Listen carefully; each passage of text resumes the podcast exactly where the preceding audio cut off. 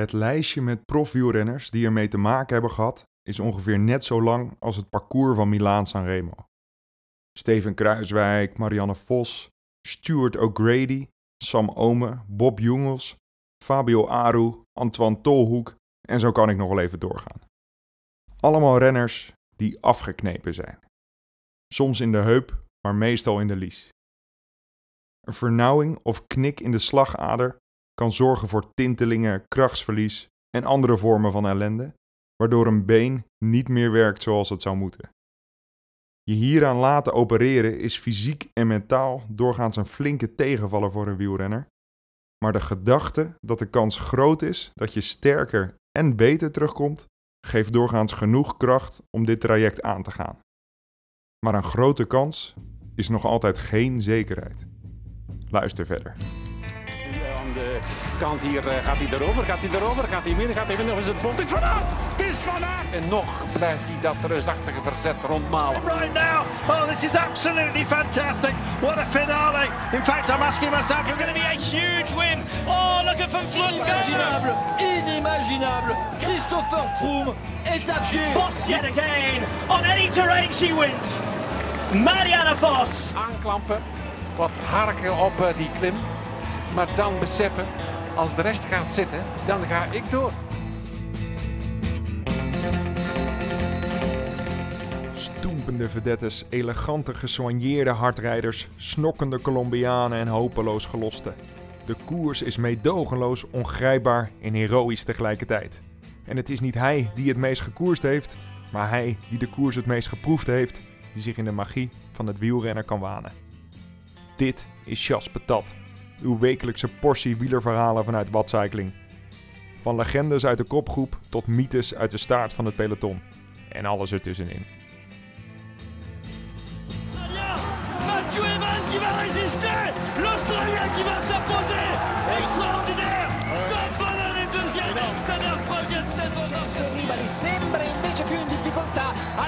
Valverde si muove anche Ricci Porta l'azione dunque di Contador tiene Nibali Mathieu Van der Poel's going to do it! Mathieu Van der Poel! This is incredible! I have never, ever seen anything like this in my life! Krachteloze dromen. Het gevoel dat benen blokkeren, krachten wegvloeien, bovenbenen sneller vollopen en langzamer herstellen na intensieve inspanningen. Het zijn allemaal signalen voor een van de meest voorkomende kwetsuren in het wielerpeloton, naast gebroken sleutelbenen en zitvlakblessures. Kwestie van even langs de dokter gaan voor een routineoperatie. Een kleine ingreep, een maand of twee even rustig aandoen en dan weer vrolijk en pijnvrij rondjes fietsen.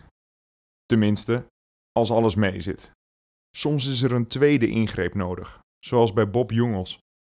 De winnaar van Luik Bastenaken Luik 2018 sukkelde naast fysiek ook met het mentale aspect gelost worden door renners die je normaal de baas bent, en slapeloze, piekervolle nachten, of je ooit nog weer je niveau gaat halen, ga je niet in de koud gewassen fietspakjes zitten. Bob is er inmiddels weer helemaal bij en gaat met ploegmaten Greg van Avermaat en Olivier Nase van AG Duzer voor eremetaal in de voorjaarsklassiekers. Een ambitie die niet voor iedereen is weggelegd.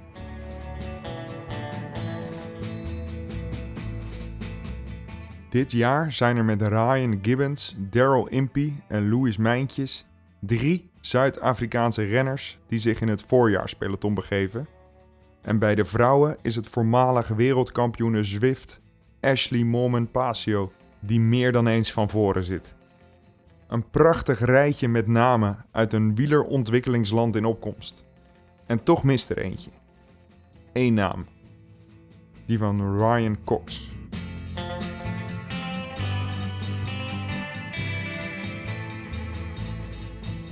Ryan begint in 1989 met fietsen, als hij 8 jaar oud is.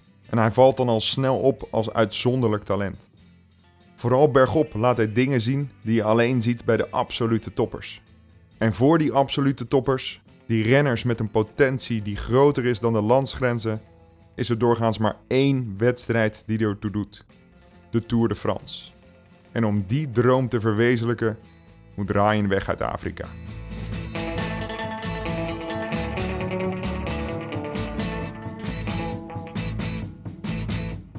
Ryan trekt naar Italië en gaat rijden in dienst van Amore en Vita.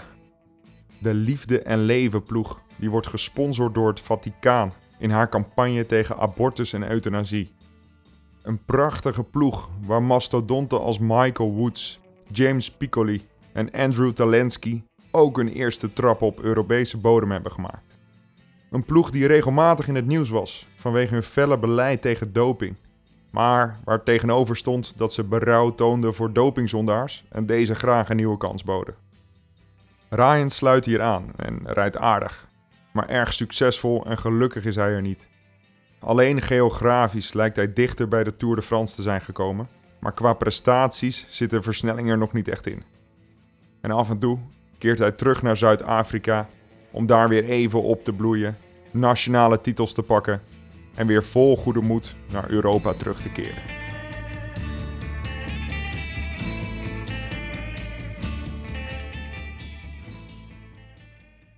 Zo ook in 2003, inmiddels rijdend voor Team Barlow World. Een gezelschap van her en der bijeengegraaide renners die wisselend onder een Zuid-Afrikaanse, Italiaanse en Britse licentie koersen met maar één doel voor ogen: als continentaal vreemdelingenlegioen uitgenodigd worden voor de Tour de France. Een bond gezelschap met een goede staf en sponsoren, die als springplank heeft gediend voor namen als Chris Froome, Geraint Thomas, ex-wereldkampioen Igor Astarloa en Enrico Gasparotto. Ryan voelt zich hier op zijn gemak en dat is terug te zien in zijn manier van koersen. Hij het peloton direct te slim af in een Franse koers en behaalt daarna zegens in China, Maleisië en Zuid-Afrika. In 2005 wint Ryan in alle uithoeken van de wereld en eindigt tweede in zowel de Afrika Tour als de Azië Tour. Zijn naam staat steeds vaker op lijstjes. Hij hoort vaker bij de outsiders en in het peloton laten ze hem niet zomaar meer wegrijden. En zodra dat het geval is, weet je dat je lekker bezig bent. Het gevoel is goed, de benen zijn goed, de kop is goed en de tijd is rijp. Ryan staat op het punt bij te schakelen richting zijn droom. En zeker wanneer hij hoort dat Barlow World in 2006 een wildcard voor de Tour de France krijgt.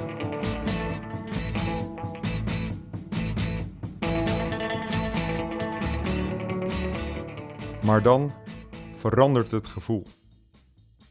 Het gevoel dat zijn linkerbeen niet langer het vermogen kan leveren dat nodig is. Het begint aan hem te knagen. En het knagen wordt knabbelen. En even later vreet het aan hem en eet het hem langzaam op. Hij gaat nog harder trainen en koersen om zijn gevoel te compenseren, maar de pijn blijft. De pijn wordt zelfs erger. En het duurt lang voordat de oorzaak wordt achterhaald. Maar eind april volgt de diagnose. Zo zeldzaam als de aandoening is voor het gewone volk, zo opvallend vaak doet het zich voor bij wielrenners. Een beklemde slagader. Pijnlijk en vervelend, maar eenvoudig te genezen.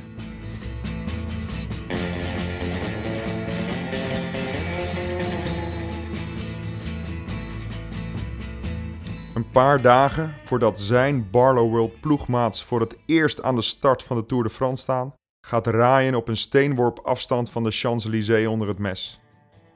Kort na zijn operatie schrijft hij een paar regels op zijn blog voor de sterk groeiende fanschade. De dokter is heel, heel gelukkig met hoe de operatie is gegaan, schrijft hij. De ader ziet er goed uit op de foto's. Ik voel me prima en kan langzaam beginnen met lopen. Wel veel zwellingen, maar dat is normaal. Na een paar dagen mag hij het ziekenhuis verlaten en trekt naar zijn huis in Zuid-Afrika om daar verder aan zijn herstel te werken.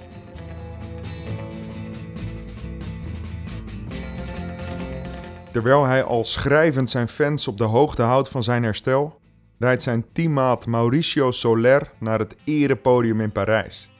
Om zijn schouders draagt hij de bolletjestrui. En ook al is Ryan herstellende op duizenden kilometers afstand, zijn droom, zijn Tour de France voelt zo ontzettend dichtbij. Gemotiveerd tot op het bot schrijft hij een bericht waarin hij zijn ploegmakker feliciteert en zijn fans enthousiasmeert over de voortvarendheid van zijn herstel.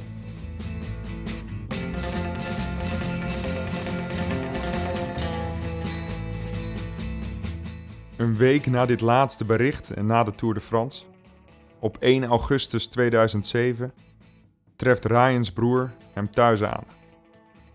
Ryan is ingestort. Met spoed wordt hij naar het ziekenhuis gebracht, waar verschillende doktoren urenlang opereren, vechten en strijden tegen het onvermijdelijke. Lichaamsfuncties vallen als sprinters op een klim, één voor één weg. De ader breekt, hartstilstand. En Ryan Cox sterft op 28-jarige leeftijd. De toerdroom van Ryan is voor altijd een droom gebleven. Een droom waar hij nooit meer uit zou komen. Het leven kan soms zo brutaal zijn dat dromen nog de enige leefbare plaatsen lijken om te vertoeven. Maar alleen dromen zijn niet genoeg.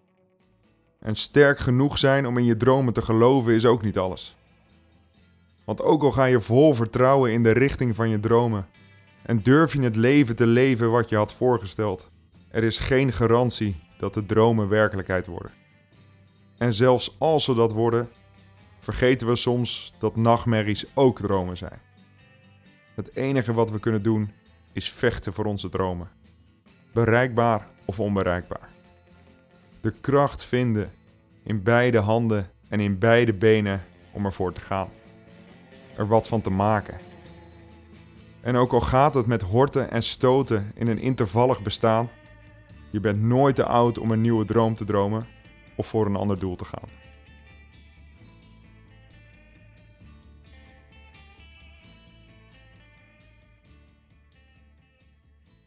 Bedankt voor het luisteren naar Chas Patat. Abonneer je op het Chas Patat kanaal om op de hoogte te blijven van nieuwe afleveringen. En het helpt ons ook weer om gevonden te worden door nieuwe luisteraars. Lees je liever zelf? Ga dan naar watcycling.nl slash chas patat. Want het is de streep die telt.